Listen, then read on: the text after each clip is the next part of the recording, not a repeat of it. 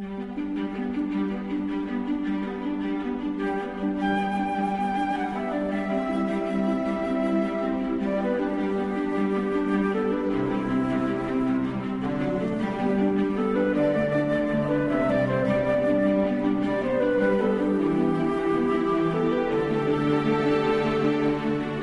arribats a aquesta hora del matí, que és entre intempestiva i plàcida, intempestiva per, en fi, tots aquells que, que estan tornant just ara cap a casa seva, després d'una llarga nit ociosa o laboral, i plàcida per aquells que estiguin començant a obrir un ull a aquestes hores de la nit, eh, o vaja, d'aquest- del matí, perquè són gairebé matinada per molts, i que pensin, mira, encara tenim tot el diumenge per construir. És aquesta hora especial que a nosaltres ens agrada redirigir-nos cap a un espai emblemàtic ja del Via Lliure, eh, que és un carreró empedrat d'una ciutat eh, que no han volgut revelar mai exactament en quin lloc es troba del mapa, al final del qual hi ha un edifici sense gaires pretensions artístiques o arquitectòniques que amaga a dins del seu interior una pila de meravelles. És el Basar de les Sorpreses i a la porta sempre hi ha l'Albert Beorlequi. Què tal, Albert? Bon dia. Bon dia, Xavi, com va tot? Bé, com ha anat la setmana? Sí? Bé, força bé, Sí? ben intensa, la veritat, però sí, Com sí, sempre. molt atapeïda de feina, i escolta, arriba el diumenge, dia plàcid, eh, i amb aquesta hora de més, és que, clar, començar a dos quarts de vuit eh, té el seu què, eh? Però tu et lleves molt que abans. Molta gent... que- Què m'estàs dient? Sí. Que ets un- ets un- Jo ja fa dues hores que, Clar. jo ja fa dues hores que estic llevat, jo És que vull dir que... El que passa, clar, això, això el diumenge de dir amb uh, una mica baixet, eh? Vull T'has dir que la d'amagar, gent no? no et senti massa, perquè... Però, clar, jo és que ja tinc els bioritmes marcats i me'n vaig a dormir d'hora i, òbviament, també el diumenge, també, com el dissabte, també llevo molt d'hora. Hora que- et labora, Escolta, Beorlegui. Ara, ara, ara. Qui matina fa la farina, eh? allò que deien, eh? Això, això.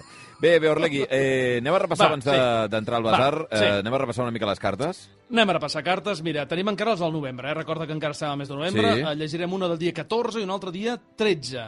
La del 14 és una carta que ens va remesa, tot i que no hi ha adreça, al darrere podem llegir que els remitents són quatre noms, Edita, Isabel, Montse i Carles, i que està enviada des de Nova Zelanda. Uau. Esperem que ens ho expliquin exactament a veure com és que no apareixen segells, ni apareix l'adreça ni res. Doncs mira, de dins extraiem una postal de Nova Zelanda, una postal d'aquelles, diguem-ne, vintage, mid-peak, a Milford Sound, i llavors de dintre extraiem Milford una carta Sound? mecanosita. Sí, sí, sí, sí. Milford Sound.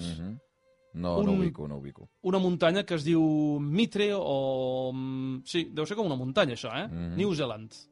Bé, aquí diu el següent. Es tracta de Cook, 14 de novembre del 2023. Estimats Albert i Xavi, som Edita, Isabel, Montse i Carles. Alguns ja hem enviat alguna carta per separat en d'altres ocasions. Estem de vacances a Nova Zelanda i gràcies a les noves tecnologies, o no tan noves, i als podcasts, hem pogut escoltar la vostra secció a l'altra punta del món, 12 hores de diferència horària.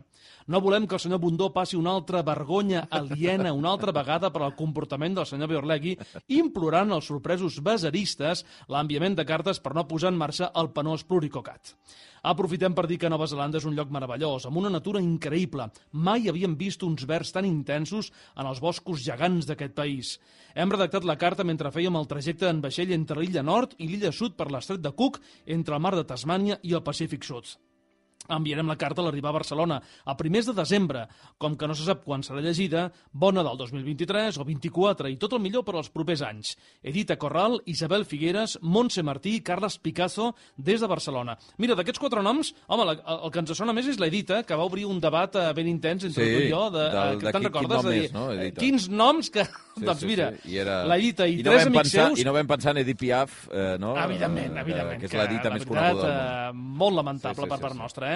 Doncs, eh, i llavors, bueno, diu que alguns ens han enviat alguna carta, vull dir que podia l'Isabel, la Montse, no em sona ara, eh? Mhm. I el Carles també ens n'ha enviat. En qualsevol cas, doncs mira, aquesta can carta que ens arriba des de Nova Zelanda, eh, tot i que enviada eh, a Barcelona. Em diuen Va, que eh, segona, Milford, digue'm. Milford, Milford Sound Sí, és una mena de fiord molt espectacular, amb muntanyes Ah. espectaculars, que hi ha, Sí. que és una de les zones més turístiques que hi ha a Nova Zelanda i que, Mm. i que en fi, que és una espectacularitat perquè eh, si una cosa té, diguem-ne, Nova Zelanda és que des del punt de vista eh, de- de- diguem-ne, de- de- d'imatge, de muntanya, de bosc, Sí, de, natural, na- sí, sí. de, de naturalesa, és eh, fascinant, diuen. Doncs bé, és, és una de les parts més fascinants, d'un dels llocs més fascinants eh, a nivell natural del, del planeta. Molt bé, clar que sí. Doncs mira, la segona carta que ens arriba, aquesta ens arriba de ben a prop, ens arriba des de Barcelona, ens la remet el Jordi Jaume Carrera.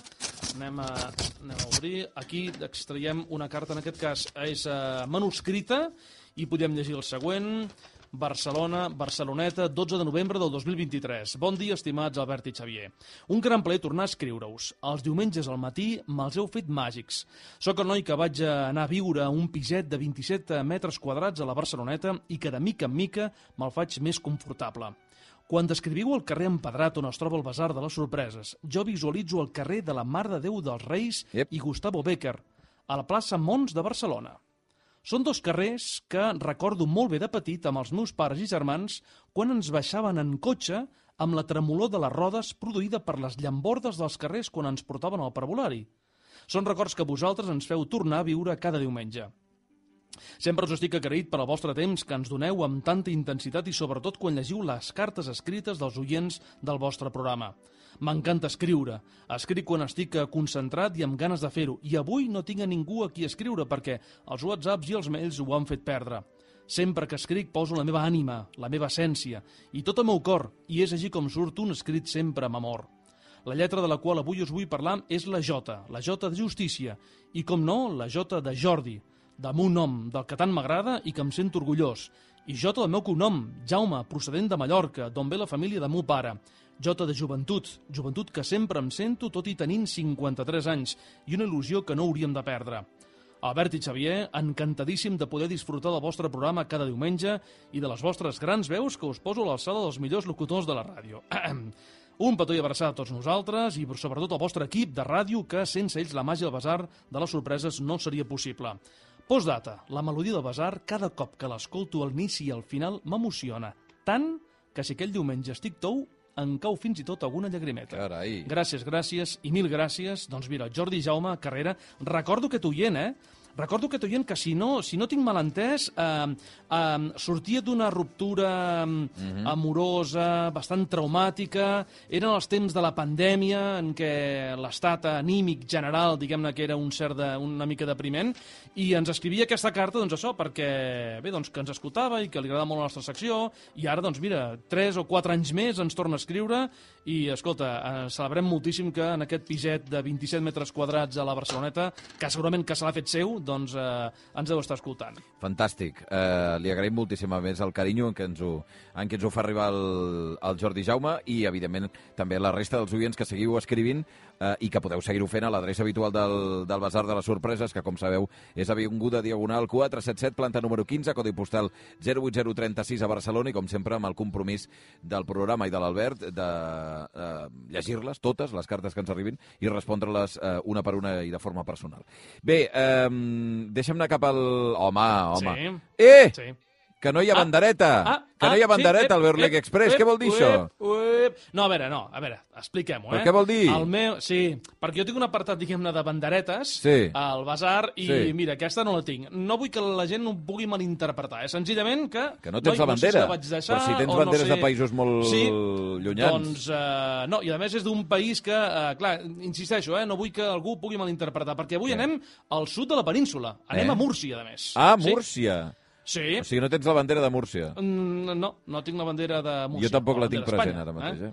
Sí, uh, Sí, sí, i sí, de fet sí. anem a una de les seves ciutats més importants, que és de Cartagena, uh, recordem de llarga i intensa història, que s'inicia als vols de l'any 1400 abans de Crist i que coneix la seva època d'esplendor doncs, en temps dels romans.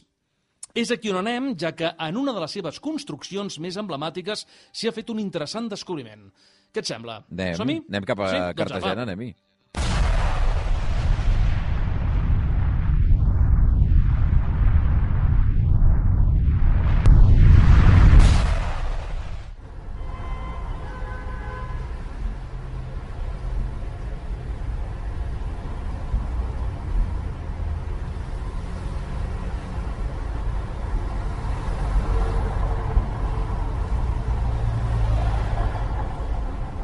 Estem sentint trànsit perquè és eh, inevitable, eh? però he de dir per, al, per als oients que s'hi respira bastanta tranquil·litat. Eh?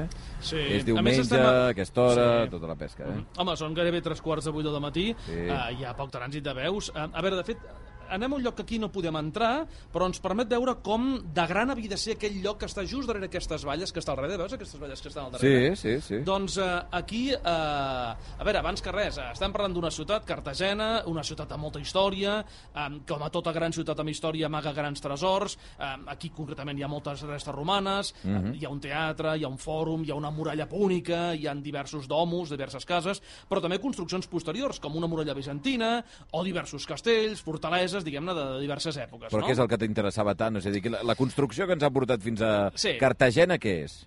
Correcte, mira, la construcció és aquesta d'aquí davant, que és aquest amfiteatre, Oh, que carai. es pot veure una mica de dalt, no sé si ho veus perquè ja dic, està, Sí. està encara tancat i no podem accedir. Sí. Eh? Va ser construït, a veure, va ser construït en temps de la dinastia Flàvia, estem parlant dels vols del primer segle de la nostra era, Sí. eh, per tant de fa 2.000 anys. Eh, aquest lloc, a mitjans del segle XIX, i aprofitant la seva estructura, diguem-ne, rodona, s'hi va construir Uh, diguem una plaça de toros, que Ja, no farem ja. cap comentari. Ja. Uh, fa temps que estan donant a terme treballs arqueològics i una de les darreres troballes d'aquest lloc, donada a conèixer fa pocs dies, és un fossar on s'hi posaven les bèsties i els gladiadors abans de sortir a l'arena. Mhm. És a dir, això havia sigut un circ, un anfiteatre. Eh?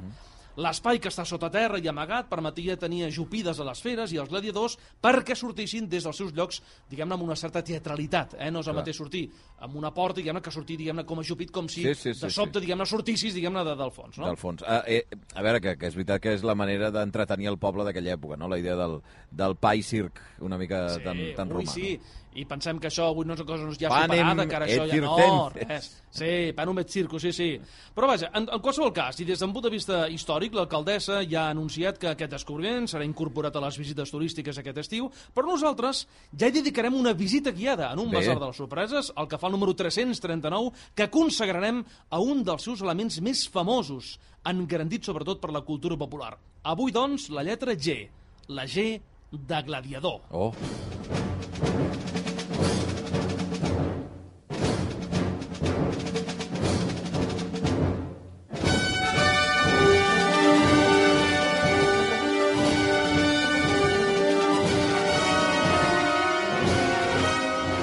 la mística que hi ha al voltant del gladiador és considerable, eh? Aquest, aquest, aquesta mena de símbol de la valentia per una banda, però també de, de, la, de la mort, no? Perquè el final del gladiador o era la mort o era ser alliberat amb bona part d'ells, no? Bé, ara ho especificarem una miqueta, eh? però sí, és veritat, tal com dius, hi ha una innegable fascinació per aquests lluitadors públics, l'origen de la paraula del qual sembla que procedeix de gladius, que era una mena d'espasa que feien servir. El seu origen era inicialment religiós, etrusc concretament, com a ofrena privada en honor d'un difunt, però amb el temps van acabar sent els espectacles que tots hem vist al cinema, Sí. i on al darrere hi havia, doncs, home, no neguem, hi havia tota una indústria, amb escoles de gladiadors, organitzadors dels jocs, la logística que hi havia al darrere dels grans espectacles, i, evidentment, la política, ja que els jocs eren una important arma de poder i influència. Com avui ho és per entendre'ns la llotja del futbol, la llotja del Bernabéu, per Sí. entendre'ns, doncs eh, fa 2.000 anys eren eh, al circ. I al llarg de la seva història, que es perllonga durant segles, hi va haver de tot, fins i tot dones gladiadores. De manera que et proposo ara alguns mites falsos sobre precisament els gladiadors.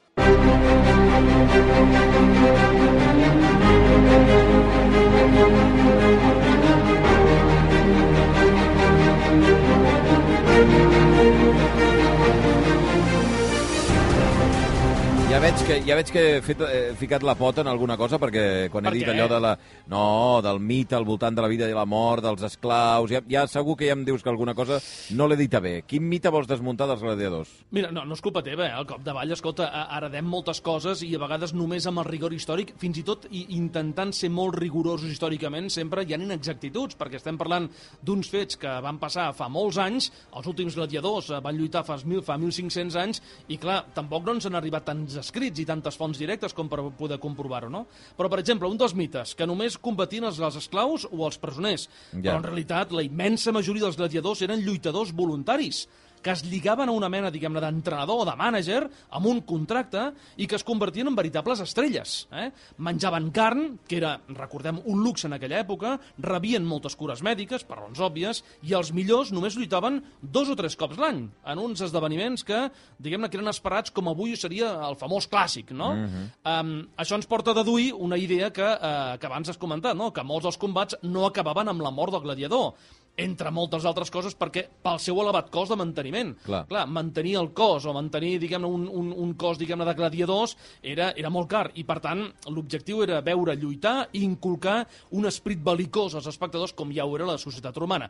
Això sense prejudici, evidentment, de que també hi haguessin, diguem-ne, eh, lluites a gladiadors que acabaven sempre amb la mort del, del, dels contrincants. Eh? Clar. Però diguem-ne que era més excepcional que no pas al, al corrent. És possible que, que clar, el cinema o les reproduccions eh, des de l'àmbit audiovisual hagin intoxicat una mica la imatge pública o la falsa imatge que tenim dels gladiadors, no? Sí, i de fet, el mite més estès és allò de que quan acabava el combat el públic aixecava el dit polze si volia perdonar Ara, el guanyador ara. o el posava cap per avall si el condemnava. Eh, Bé, i en realitat sembla que era just al revés. El dit polze cap amunt significava l'espasa alçada i, per tant, la mort del Què dius, gladiador, ara? i cap per avall significava l'espasa enterrada a l'arena i, per tant, el perdó dels que lluitaven. I llavors hi ha aquella frase que també hem sentit a les pel·lícules, no? Ave Caesar, moritur i te saluten. Sí. Eh? Els que van a morir et saluden. Sí. Que, de, que es diu que exclamaven els gladiadors abans d'entrar en Això combat. tampoc? i Que, a veure, això procedeix d'un escrit d'un historiador del segle I, que es deia Suetoni, Sí. però que sembla que només es va dir en una ocasió Oh! i tampoc se sap ben bé del Oh. cert si això era de veritat. No. Sí, són aquelles coses que quan es desmunten mites dius, no, no, escolta, prefereixo quedar-me amb la Sí, llegenda sí. que no pas amb la Sí, realitat, sí, eh? sí. I sabem si hi havia gladiadors famosos? Doncs eh, sí, en aquest aspecte, com d'altres, jo diria que és, és molt fàcil deixar-se portar per la imaginació i no per al rigor. Però sí que n'hi ha de documentats, tot i que a través de fonts indirectes. Vegem-ne tres, tres gladiadors ben famosos de fa un munt de segles.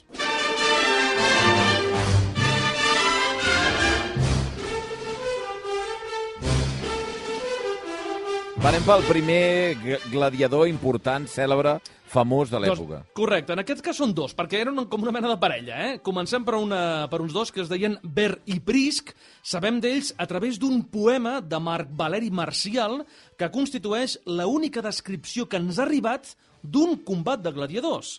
Per això hem de situar-nos al Colosseu Romà. Aquesta construcció, amb capacitat eh, per 65.000 espectadors, va ser oberta al públic l'any 80 de la nostra era per l'emperador Titus, i en els seus jocs inaugurals doncs, hi va haver de tot, eh, baralles d'animals, execucions, combats, curses, simulacions de caça, però el moment culminant del primer dia va ser la baralla entre aquests dos gladiadors, Ver i en Prisc, que eren dos esclaus que havien ascendit a gladiadors i es pensa que devien ser famosos quan van lluitar. Clar, per això van fer el primer dia dels jocs, no? Es diu que van fer un tant de valor que l'emperador va decretar que la victòria els corresponia als dos.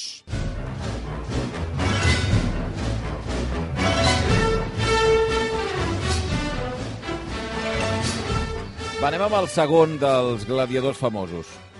Mira, si coneixem a Beri Prisc per un poema, el nostre següent gladiador ho és per la seva làpida. 50 anys més tard, en els temps de l'emperador Adrià, trobem Flamma, que és un dels gladiadors més famosos del seu temps. Era sirià de naixement, eh, s'especula que podia haver sigut esclau quan va entrar en una escola de gladiadors, on el seu coratge, diguem-ne, que van destacar ben aviat. Quan es volia recompensar els gladiadors, els lliurava una espasa de fusta anomenada rudis, que significava doncs, que ja no havien de lluitar més. Bé, doncs, Flamma la va refusar la, aquesta espasa quatre vegades seguides. Va morir amb 30 anys i a Sicília es troba una làpida erigida pel seu company Delicatus, on s'hi pot llegir, entre altres coses, que Flamma va lluitar 34 vegades i en va guanyar 21.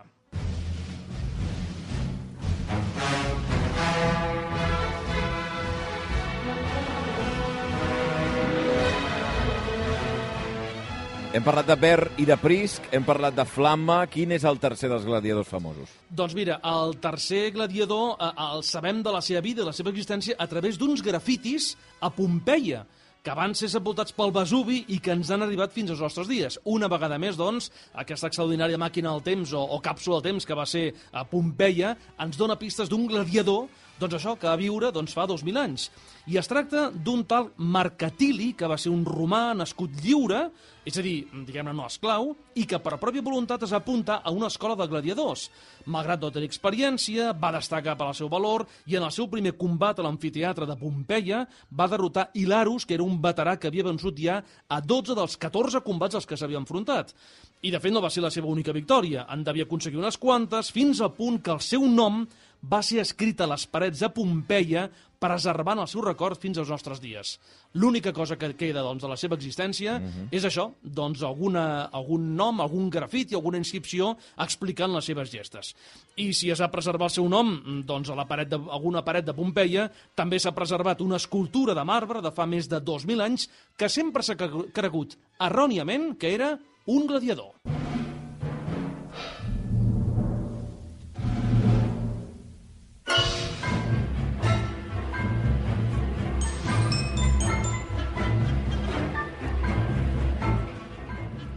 Eh, o sigui, hi havia una escultura de marbre famosa d'un gladiador? Quin? Sí, a veure, de fet, es, sempre s'ha pensat que era una, que era una...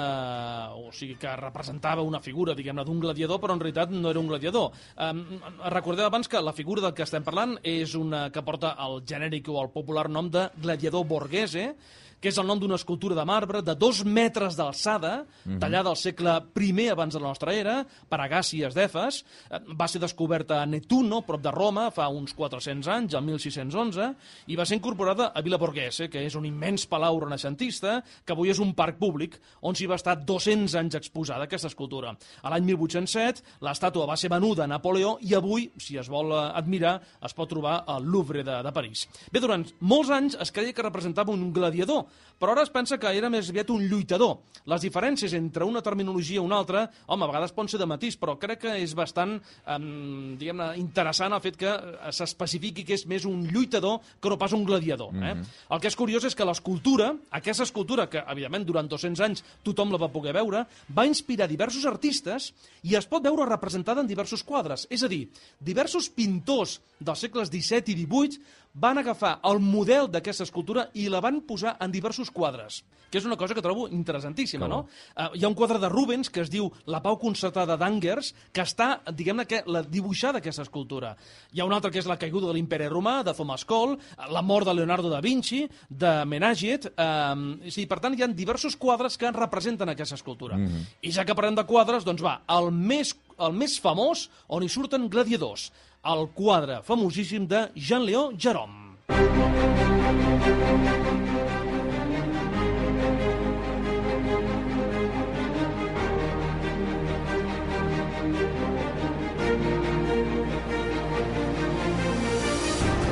Qui era el, tan, el tal Jean-Léon eh, Jerome? Jerome va ser un dels pintors i escultors francesos més famosos del segle XIX. A les seves obres hi predomina el tema històric i mitològic, no defuig una certa èpica que fa que els seus quadres siguin molt evocadors, però un dels seus més icònics és Pols al revés, que és el títol d'un quadre pintat al 1872, que es pot admirar al Phoenix Art Gallery de Phoenix, als Estats Units, i on es recrea una escena de lluita de gladiadors en un amfiteatre. És un quadre molt famós que segurament que haureu vist alguna vegada. El combat, mm, diguem-ne, que ha acabat, el guanyador espera el veredicte de l'emperador, mentre el vençut implora el perdó i la massa, evidentment la massa, vol la mort.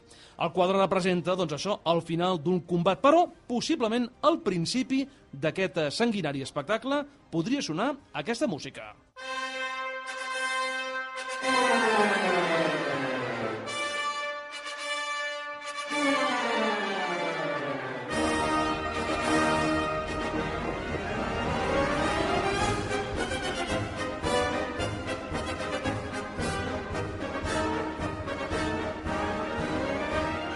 però perdona, jo sento aquesta música i penso en l'entrada dels pallassos en un circo, eh? Ho sé.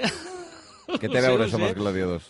Doncs mira, perquè el títol d'aquesta peça musical no és l'entrada dels pallassos, sinó l'entrada dels gladiadors. No fotis. Aquesta... O sigui, sí. és, una, és una melodia, és una música que està parida pensant en una entrada de gladiadors a un circ. Sí, clar. Sí, sí, correcte. Però sí, sí, sí, sí. Hosti, doncs és un punt Perdó, eh, però és un punt ridícula per, per uns gladiadors que...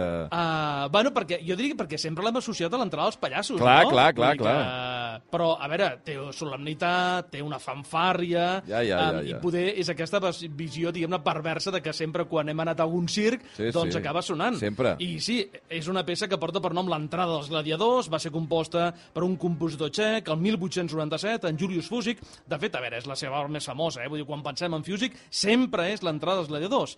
I sí, jo diria que està associada sempre a l'entrada als pallassos. De fet, si sou una mica cinèfils, us sonarà perquè Nino Rota la va fer servir per la música de I Clowns de Federico Fellini, però també algun to, diguem-ne, sona en alguna, alguna altra pel·lícula de, de Federico Fellini. Mm -hmm. Va, i ja que parlem de cinema, dues pel·lícules de gladiadors ben famoses, però abans... Joy, ¿te gustan las películas de gladiadores? Ai, Déu meu senyor, eh? No, ara parlarem de les pel·lícules de gladiadors, eh? però m'ha sorprès eh, la tria d'aquest moment, que, eh, bueno, explica per la gent que no conegui la pel·lícula, però bueno, Home, és un moment extraordinari, eh? És molt escaient, no? Vull dir, posar aquest fragment. Estem parlant de Aterriza como puedas, la llegendària pel·lícula dels germans Zucker, rodada sí. del 1980, la primera de les pel·lícules que va generar tota una seqüela en les que també hi hauria, evidentment, els Top Secrets, La Carla como puedas, Leslie Nielsen per allà al mig, i que recordem, Aterriza como puedas és una paròdia de les pel·lícules de catàstrofes que s'havien rodat anys abans, que ja ha tingut una entitat pròpia, és independent, per entendre'ns, no associem la seva, la, el seu to de comèdia respecte a les pel·lícules pel·lícules de catàstrofes d'anys anteriors i que continua sent una pel·lícula molt divertida, amb molt humor físic, però també, evidentment, molt humor eh, verbal. Bueno, de fet, aquesta, aquesta escena, escena, no? Explica, explica. Sí, aquesta escena és el comandant, ara no me'n recordo qui, uh, qui l'interpreta, el, el no sé. uh, Peter no sé què, em sembla, Peter Brook, Peter no sé què, mm. que uh, té un nen, diguem-ne, que va a la cabina, uh, el copilot és el, el, el Abdul Jabbar, aquell jugador de bàsquet, sí, sí. i llavors el, el, el pilot sempre li pregunta ¿te gustan les pel·lícules de gladiadores? Joey? ¿Has estat alguna sauna? Mm. Uh, Joey... Uh... va, anem amb va, les dues pel·lícules de gladiadors uh, per acabar. Va, la primera d'elles. Cuando la espuma del mar dormía como una muchacha y el crepúsculo rosado acariciaba el mundo, volvía a casa. Cruzaba las sombras de los bosques morados y azules y volvía a casa, al hogar que me dio nacer, donde me esperaban siempre mis padres con un beso prendido en los labios. Bé, aquesta és la més clàssica de les clàssiques, diríem, eh? Correcte, aquí tenim una magnífica veu de Manolo Cano, doblant a Tony Curtis a Espartaco, que és una de les grans pel·lícules clàssiques ambientades al món antic, dirigida per, recordem, Stanley Kubrick, l'any 60, amb Kirk Douglas, Jen Simmons, Laurence Olivier i Charles Lawton com a protagonistes. Aquí pren com a punt de partida, recordem, la vida del famós esclau que va liderar una rebel·lió contra Roma al segle I abans de Crist, Espartaco, eh, o Espartac, eh? la pel·lícula va ser començada per Anthony Mann, la va acabar eh, Stanley Kubrick, va guanyar quatre Oscars i per aquell que la vulgui recuperar es pot trobar a Filmin i també a Amazon. Una cosa sobre això, m'ha agradat molt perquè el Beorlegui sempre ho fa, la referència dels, dels dobladors, quan eh, precisament ara fa pocs dies Eh, Home, la setmana passada. Oi, oh. la, eh, la setmana passada, quin, quin gran sí. moment a la gala Home. dels Goya, quan Sigourney Weaver, eh, recollint el Premi Honorífic, fa menció directament a Maria Lluïsa Solà, una de les grans, grans, grans eh, actrius de doblatge d'aquest país. Eh? Sí, sí, una, una, doblador, una actriu de doblatge. No és dobladora, eh? Aquí no, no, volen... Actriu de doblatge. Tenen tota la raó. Actriu de doblatge extraordinària, eh, una magnífica persona. Jo fa molts anys que la tracto. Em va encantar l'entrevista que res, a cap de molt poques hores li, pogué, li va poder fer. I llavors la idea és aquesta, reivindicar una professió que, òbviament, ara no entrarem de si és millor la versió original que la versió subtitulada, bla, bla, bla, bla, bla, bla, però sí que és veritat que hi han doblatges extraordinaris i els de Maria Lluïsa Solà doblant a Sigourney Weaver, que per cert està esplèndida, eh, home, doncs atorga una dignitat i una, i una personalitat a, la, a, les, a les caràcters que ha interpretat certament magnífica. Per tant, doncs, un aplaudiment per la Solà, tant, per la Weaver i per, per tothom, el bon doblatge. Per tothom. Sí. Va, mm. tanquem amb la darrera de les pel·lícules de Gladiadors, que espero que sigui la que espero, vaja. Clar que sí, home, clar que sí. ¿Tú eras gladiador? Oh. Sí, lo fui.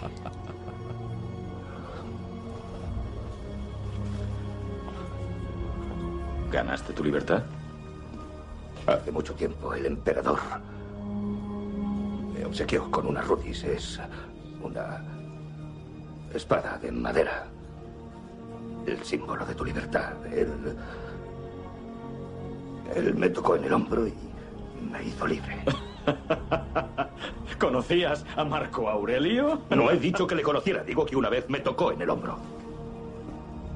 Me has preguntado qué quería. Yo también quiero estar ante el emperador. Quina gran pel·lícula, vaja, jo me'n recordo, tinc un record va, fantàstic, sí. Gladiator de Ridley Scott. I tant, que per cert, tant, no, jo pensava que posaries la banda sonora en algun moment. No t'agrada o què?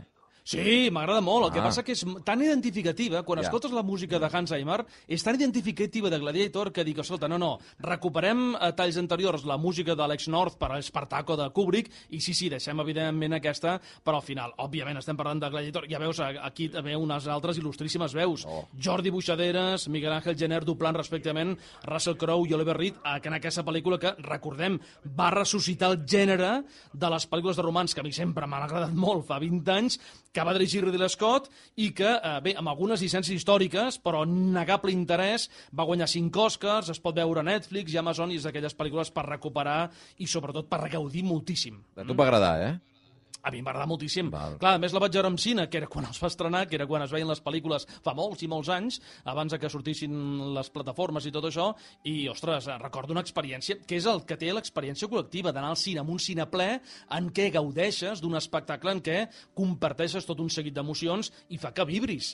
Clar, a més, recordem, és que a part d'en eh, d'en Russell Crowe i l'Albert Reed sortia el, eh, el Derek Jacobi, eh, sortia, eh, o sigui, unes, clar, la música, la direcció i aquesta recreació històrica que feia que entressis directament a dintre de l'acció de la pel·lícula. No, hi va haver-hi generacions de gent que van fer servir aquella frase de Me llamo Máximo Décimo Meridio, comandante de los ejércitos del norte, general de las legiones Félix, leal servidor del verdad- verdadero emperador Marco Aurelio, padre de un hijo asesinado, marido de una mujer asesinada, y alcanzaré mi venganza en esta vida o en la otra. No?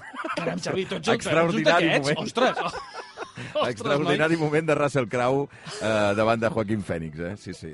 Eh, A la pel·lícula vaja. original de Kubrick diu jo soy Espartaco, que és quan s'aixeca, però clar, la cosa acaba aquí. Jo soy Espartaco. Sí, però aquí clar, veig que aquí la cosa allarga molt, eh? Vull dir que... Aquí es complica, sí, sí. Bé, uh, Beorlegui, doncs avui uh, reprenent una cosa ben fílmica com són els gladiadors que ens han uh, afectat eh, segurament per dolent en algun moment, per, per, uh, per falta de criteri històric, com m'ha passat a mi, uh, però en tot cas que, que ha servit també per crear llegendes al voltant de la, de la figura dels gladiadors, del circ romà, també, um, um, però que és innegable que té el seu caràcter artístic eh, històric i, i fílmic cinematogràfic que, que, vaja, que té un valor eh, innegable. Beorlegui, moltíssimes, moltíssimes gràcies. Com sempre, una abraçada ben forta. Bunto, igualment. Fins la setmana que ve. Adéu-siau.